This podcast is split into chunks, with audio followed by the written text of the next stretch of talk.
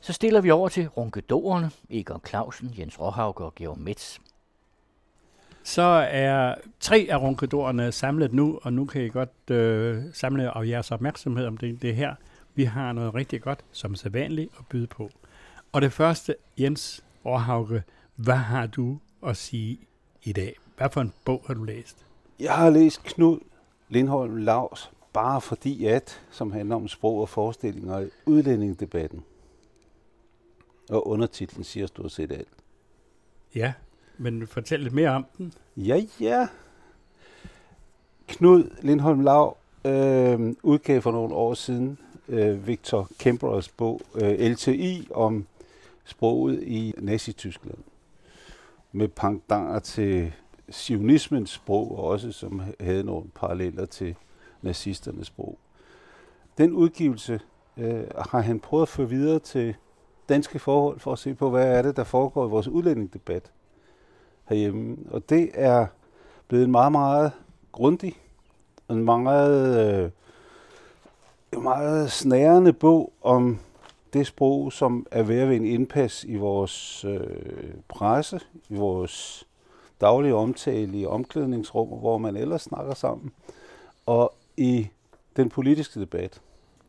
Jeg har læst den på vej herind, har jeg jo så igen fulgt op på, hvordan er reaktionerne på Inger Støjbergs øh, bedreviden omkring farligheden ved folk, der faster, for eksempel.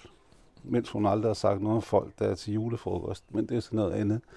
Det han gør, det er, at han, han kigger på, øh, hvad er det for nogle mekanismer, der eksisterer i sproget. Den hedder bare fordi, at fordi nogle af dem, der bagatelliserer øh, sprogbrugens betydning, de siger bare fordi, at jeg, og så videre, og så, så det er den øh, sproglige figur, man bruger til at underspille sprogets farlighed, kan man sige.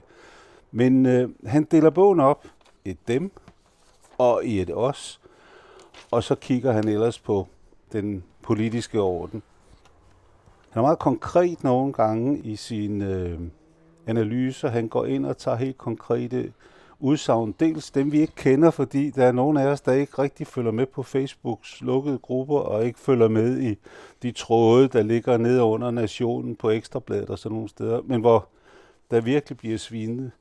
Og det der er hans pointe, det er det, han har hentet fra, fra Kæmper, at øh, det virker ikke med en enkelt sætning, det virker ikke med et enkelt udsagn, men det er arsenik, der bare bliver drøbet ned i sproget, og den arsenik, den øh, forgifter langsomt, men sikkert, indtil katastrofen sker, hvis den sker. Det er den ene ting. Den anden ting, det er, at han går ind og analyserer helt ned i, i detaljen, hvor en radiovært bruger ordet, jamen der må da, altså det lille da, analyserer han. Det er en Radio 24-7-journalist, som ellers markerer positivt i udlændingdebatten, men pludselig aner en sensation omkring en begivenhed i Voldsmose, og det, han bliver ved med at bruge ordet, jamen der må da, du må da, og så videre. Det lille da. Så han går helt ned i sådan nogle detaljer, og så tager han altså simpelthen nogle af de mest forrygende historier og analyserer dem. For eksempel den om, at, at folk i Voldsmose bruger toiletrens og klorin for at, at få lyse og hud, altså bader deres børn i det for at få lyse og hud. Altså, der er ingen dokumentation for noget af det, men det er sådan nogle historier, der kører. Der kører historier, for eksempel i Jyllandsposten, ytringsfrihedens forkæmper, øh, om at øh, fraværet er langt større på sprogskolerne blandt, øh, end det er generelt. Og, og, og det bliver så kørt sammen med en mellemøstlig dogenskab og, og, og mangel på kendskab til vores kultur. Når man så går ind i tallene og analyserer, så er der givetvis et par af dem, der er dogne, men der er også nogen, der er sendt i praktik af jobformidlingen. Der er nogle af dem, der er syge, af forskellige forhold. Så man kører bare overskriften på, at de pjekker. Han afslører også Dansk Folkeparti's strategi, hvor Martin Henriksen i stedet siger, at de har selvfølgelig skuffen fuld af stramninger, men de tager dem drøbvis. Fordi hvis de fyrer dem alle sammen af på én gang, så fik de jo kun én gang presse. Og det er for så vidt hele strategien i det her. Og det, der er så, så spændende ved bogen, det er altså den her øh, gendrivelse af nogle facts, men også en, en fastholden, at, at der kan jo godt være kerner af sandhed af noget i det, men sprogbrugen omkring det, den er hele tiden stigmatiserende. det betyder selvfølgelig, at han mener, at, at øh, det her ikke er, det er jo ikke nazisme, det er heller ikke fascisme, men det er, det er en af forudsætningerne for, at noget lignende kunne opstå. Han, han bruger for eksempel eksemplet med øh, den polske massakre, hvor en dreng har løjet og sagt, at han var blevet bortført og kommet ned i en kælder, selvom han bare havde været løbet væk hjemmefra. Og hvor, hvor polakker, øh, hvis det stadigvæk hører med til deres historie, massakrerer øh, 40 jøder, som bor i den bygning. Det viser sig, at det er løgn alt sammen, fordi drengen har bare været på et lille togt, og så for at skjule det har han opdaget den løgn, og politiet finder ud af det, for der er ingen kælder i den bygning, hvor han siger, at han har været spærret inde. Det er et eksempel, han tager fra historien på, hvordan et hadsk sprog fører til handling. Og derfor kan man sige, at det, det er ikke nazisme det her, ikke, det, det er ikke fascisme. Jeg vil nok, når man har set, hvor det stammer fra, og hvordan det udvikler sig, kalde det karupisme, det der foregår. Altså, at det er omkring de nationalkonservative, specielt tidværdsfolkene, er opstået et sprogbrug, som flere og flere annekterer, fordi det bygger på en, en frygt over for andre. Og den er jo vigtig, hvis man ikke rigtig ved, hvem man selv er. Men det understøtter jo også det, som man er også inde på i bogen. Altså det understøtter jo den der med, at eksperter er vi selv, og vi ejer mm. også vores øh, viden. Vi ejer både vores holdning og vores viden, og vi blander ja. det sammen. Og det er sådan set en dyd ikke at vide noget. Altså, det er jo det, Inger Støjberg, når hun kommer ud og ja. siger, at ramadanchauffører er farlige. Det er jo rent, det er jo i klartekst, det hun siger. Ja, ja. Og så siger alle, der er på stand på det, overhovedet ikke. Ja. Og som du selv er inde på, jamen det skulle da farligere i dagene efter julefrokosterne. Ja, ja. Selvom folk tror, de er ædru, så er de stadig ja, ja. en ordentlig ja. skid på, ikke? Velvidende, for det er hun vel begavet nok til at, at, at være klar over selv, at det her har overhovedet ikke noget på sig, så brænder hun af, fordi hun ejer sin viden. Hun ejer sin mm. mening og sin viden, og det gør ikke noget, man blander det sammen. Og det, i det ligger der jo en, undskyld jeg siger det, der er jo, det er jo roden til fascismens sprogbrug. Nå jo, men altså grunden til, at den har vundet sådan en indkast, hvis man kigger på, på det afsnit, der handler om os, så, så er vi jo en broget skare, men, men vil meget gerne definere os som nogen, der har et meget stort fællesskab, og det, det opløser han jo også, og, og påviser, hvordan vi, vi er mange facetterede, men at det lykkedes dels øh, Dansk Folkeparti og specielt Søren Karup med Luthers begreber, som så kører via øh, Sørini Godfredsen og så videre med, at man bruger de andre i ental. Altså man taler om muslimen, ligesom Hitler talte om jøden og Luther, det kan jeg jo af Luther. Men, men man taler om det i ental, og det er jo meget, meget sofistikeret, fordi det både øh, individualiserer og generaliserer på en gang bestemte form i ental. Men samtidig så, det der er hans anlæggende, det er jo, at det kan jo godt være, at nogen fra Dansk Folkeparti, øh, nogen danske smånazister og sådan noget, har startet sådan en sprogbrug. Det, der er forbløffende, det er, at man finder den langt ind i Socialdemokratiet nu, den sprogbrug, og det er der, han peger på faren i det. Inger Støjberg jeg hørte en analyse nu, hun kommer jo kun ud med det her, fordi Venstre har lavet no- nogle omrokeringer, hedder det, og, så, som betyder, at hendes fløj måske ikke øh, er så langt fremme i Venstres folketingsgruppe lige i øjeblikket, og så er det vigtigt at markere sig og have, her er noget, der giver pote langt ind i Henrik Sasses åndsliv.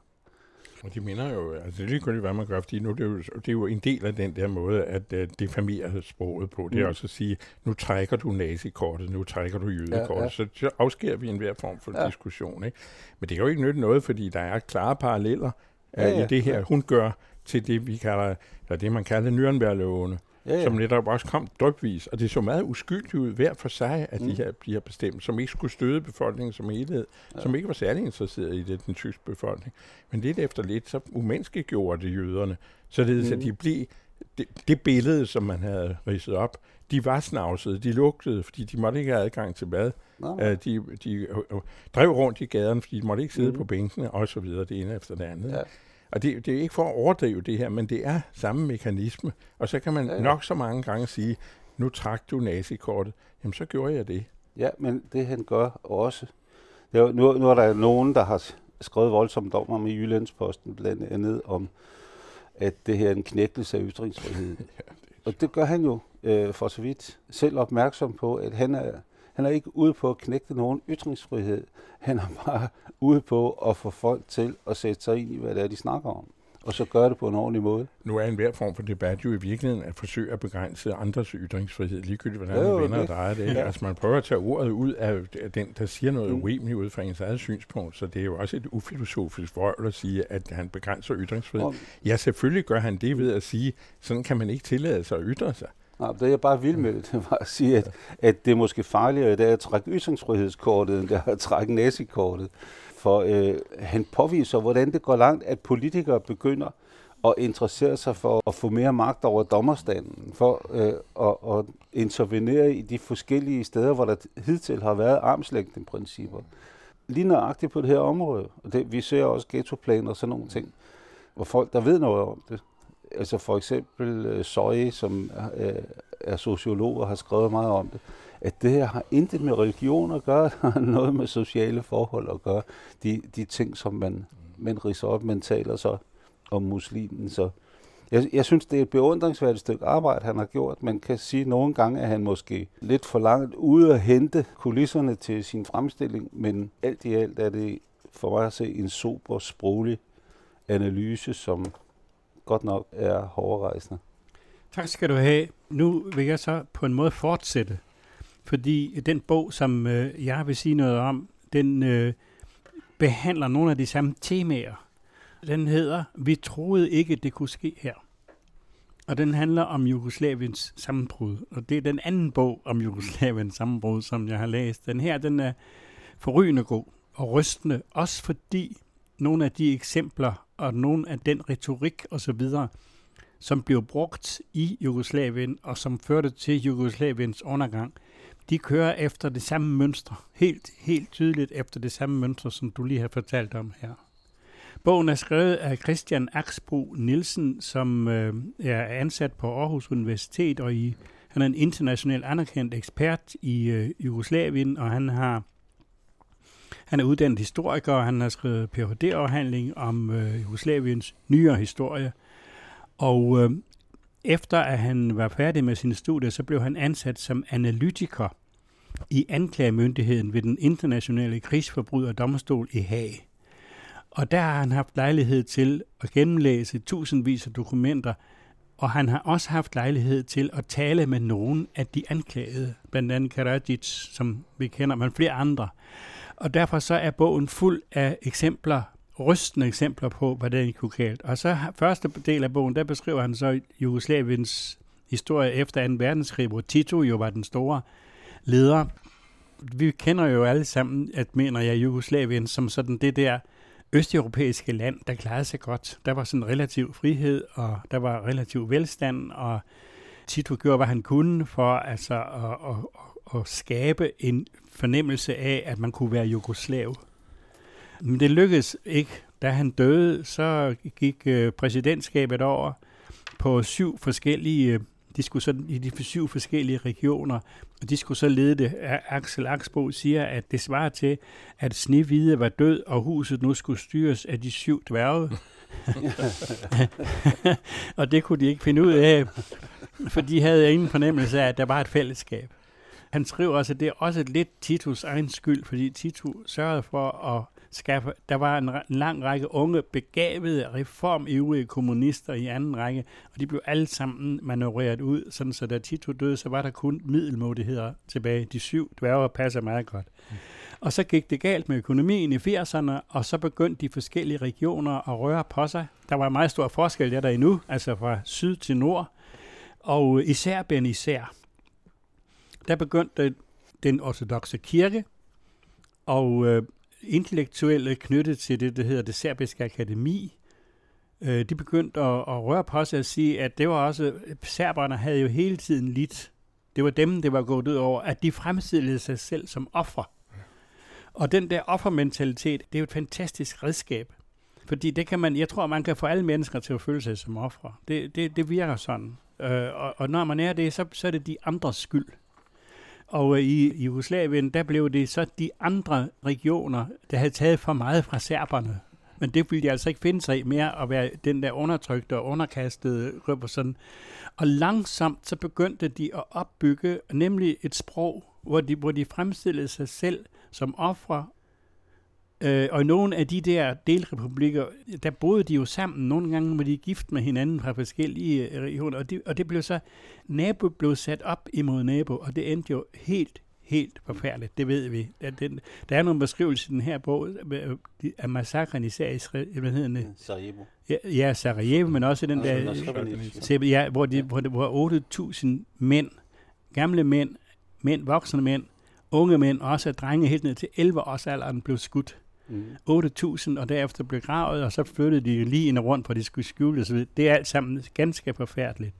Og så kom øh, Milosevic, som var en lille, middelmodig grå mand, men han havde sans for magt, og han havde sans for at manipulere. Og han byggede videre på det der. Og de fandt så en historie fra middelalderen om slaget på Solsortesletten, som fandt sted syv år før Kalmarunionen blev indledt. Og Christian Aksbo Nielsen siger, kunne man forestille sig, at nogen her i Skandinavien begyndte at bygge en eller anden historiefortælling med udgangspunkt i Kalmarunionen? Det kan man ikke, men det kunne man altså der, og det virkede.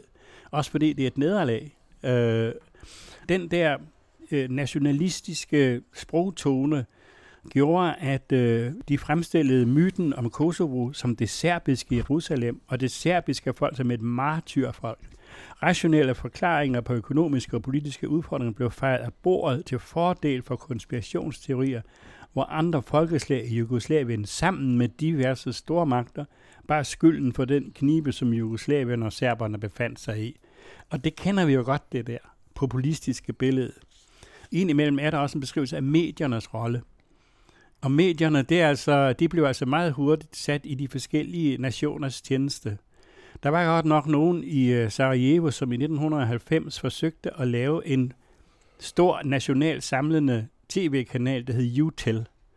Og det var meningen, den skulle ligesom fortælle hele den jugoslaviske historie. Og der blev ansat nogle af landets dygtigste journalister. Men allerede i løbet af et år efter, så begyndte først Serbien og så Kroatien at blokere dens udsendelser, samtidig med, at kanalens journalister blev stemplet som folkeforrædere. Det, altså den splittelsen bevæger sig.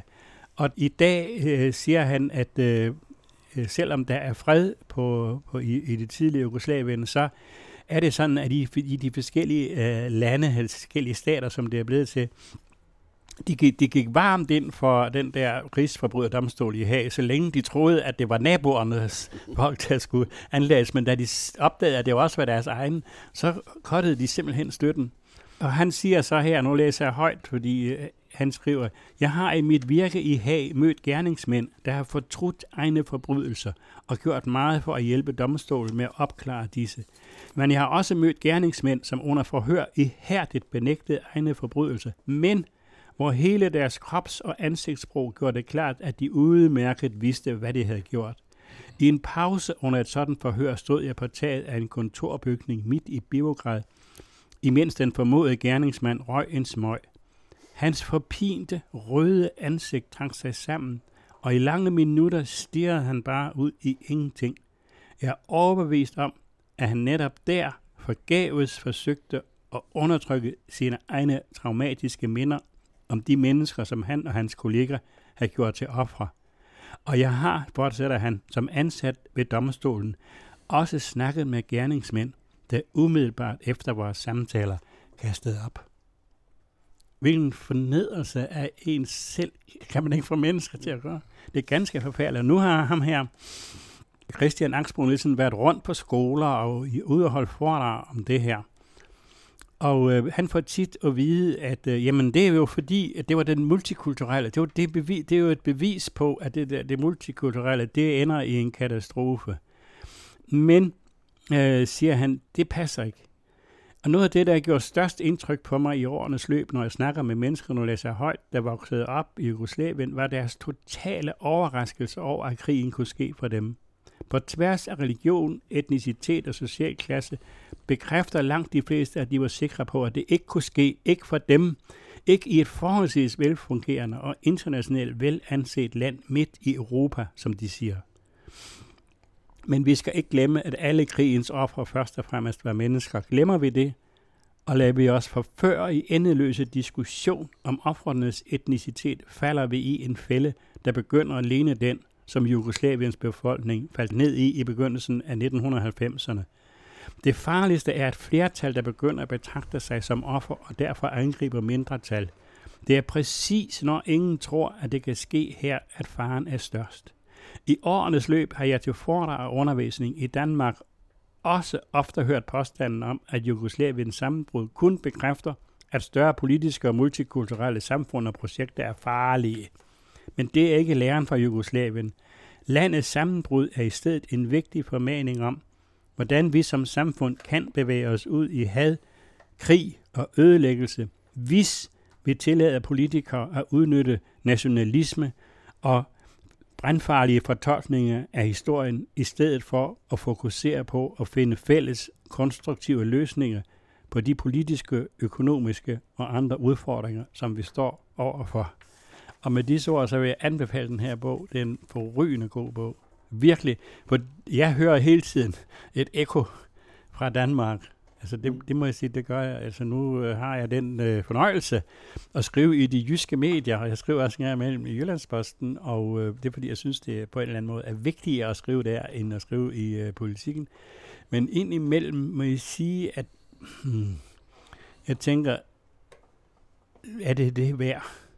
Jeg bliver udsat for de mest forfærdelige beskyldninger. Ja, nogen har kaldt mig en araberpik.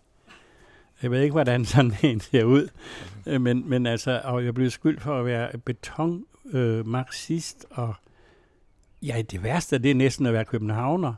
Men, men det er sådan nogle ting, og nogen af dem fremstiller mig, min person, som i direkte modstrid med det, som jeg har brugt hele mit liv på at arbejde. Jeg blev engang passet op, øh, hvor jeg boede dengang i Holsteinsgade, af de der, der hed grønjakkerne. Mm. Og det, det var en af de gange, jeg blev forulempet på den måde. Der råbte de jødesvin efter mig, så gik de videre. Så vendte de sig om. Jeg stillede min indkøbspose lidt forbløffet, fordi jeg var ikke klar at det var så slemt. Så vendte de sig om, og så råbte de, nazist! Jamen, så er det, så, er det, så, så er man dækket ind. Altså. så det, var, det var hårdrejsende, du fortæller det, og, og, og, og, at det kunne ske. Jeg har, har været skoleinspektør i Kokkedal, og et par af, af, af forældrene var flygtet fra, fra den krig, og de var netop kommet i klemme, fordi de var um, gift på tværs af, af nationalitet, som det hedder. Og det betyder, at de rent faktisk blev truet af deres naboer. Ja. Og, og, og måtte stikke af med deres to børn i nattens mulm og mørke. Så det er utroligt, hvad der kommer op, og derfor kunne jeg godt tænke mig bare lige at læse en Facebook-ting fra den her bog, om bare fordi, at som som øh, Jakob Schack, som er Søren Papes øh, spindoktor, han har fået på Facebook. Der står, Jakob Scheiks mor var tidligere en luder fra Vesterbro. Hun elsker at blive bollet i anus af nogle perker. En dag smuttede pikken i din mors luderhul med lort på spidsen, og du, Jakob, blev et brunt svin i Danmark.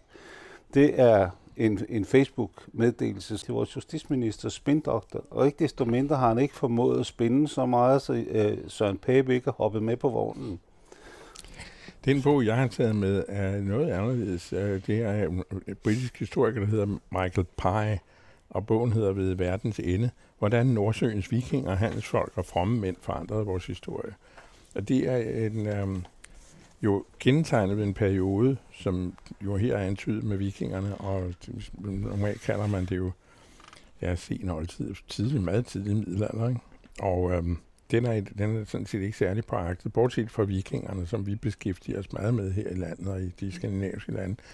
Så det er ikke sådan en, en øh, ende af historien, som vi normalt beskæftiger os meget med. Den ligger under den mørkeste middelalder, mm. og øh, det kan man altså diskutere, de her farvebegreber, når, når man taler om middelalderen, og farvebeskrivelser, når man taler om middelalderen, de, hvor mørkt den er, det kan man jo diskutere, når man netop taler om vores øh, århundrede, vores ungdomsårhundrede, det 20. århundrede, som vil er mm. det mest øh, brutale og usiviliserede og barbariske i hele menneskehedens historie.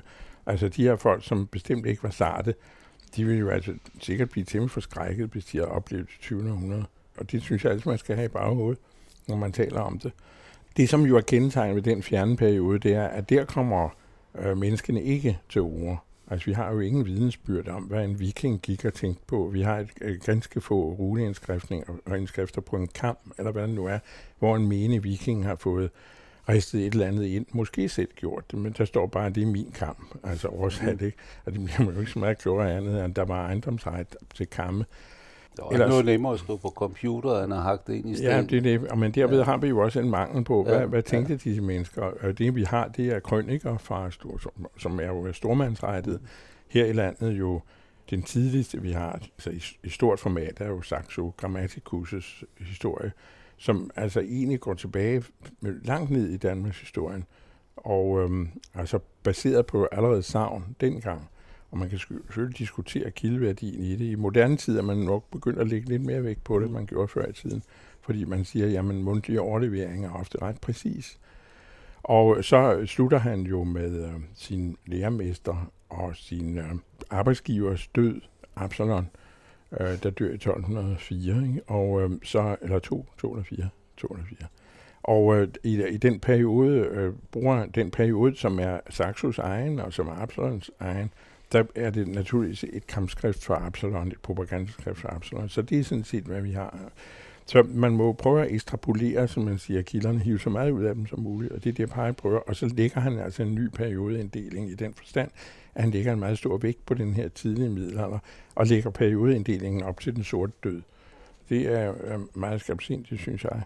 Vikingerne gør han jo, som det allerede står i underteksten, meget ud af, fordi han ser dem som en meget udadvendt og dynamisk kraft i øh, vores egen forståelse, så ser vi dem jo mest som nogen med horn i hjelmen, der farer afsted et vikingskib, og lidt sådan morsomt tager over og røver nogle kvinder i Lindisfaren og slår nogle munke ihjel, eller hvad de nu gør, så sejler de hjem igen og har det herligt. Det er jo vores syg på vikingerne i det store hele. Så er der sådan lidt forfinelse af, at de handlede også med ravperler og noget andet.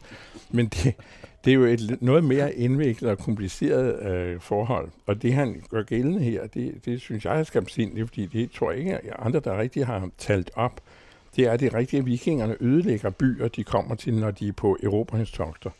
Men faktisk anlægger de lige så mange byer, som de ødelægger.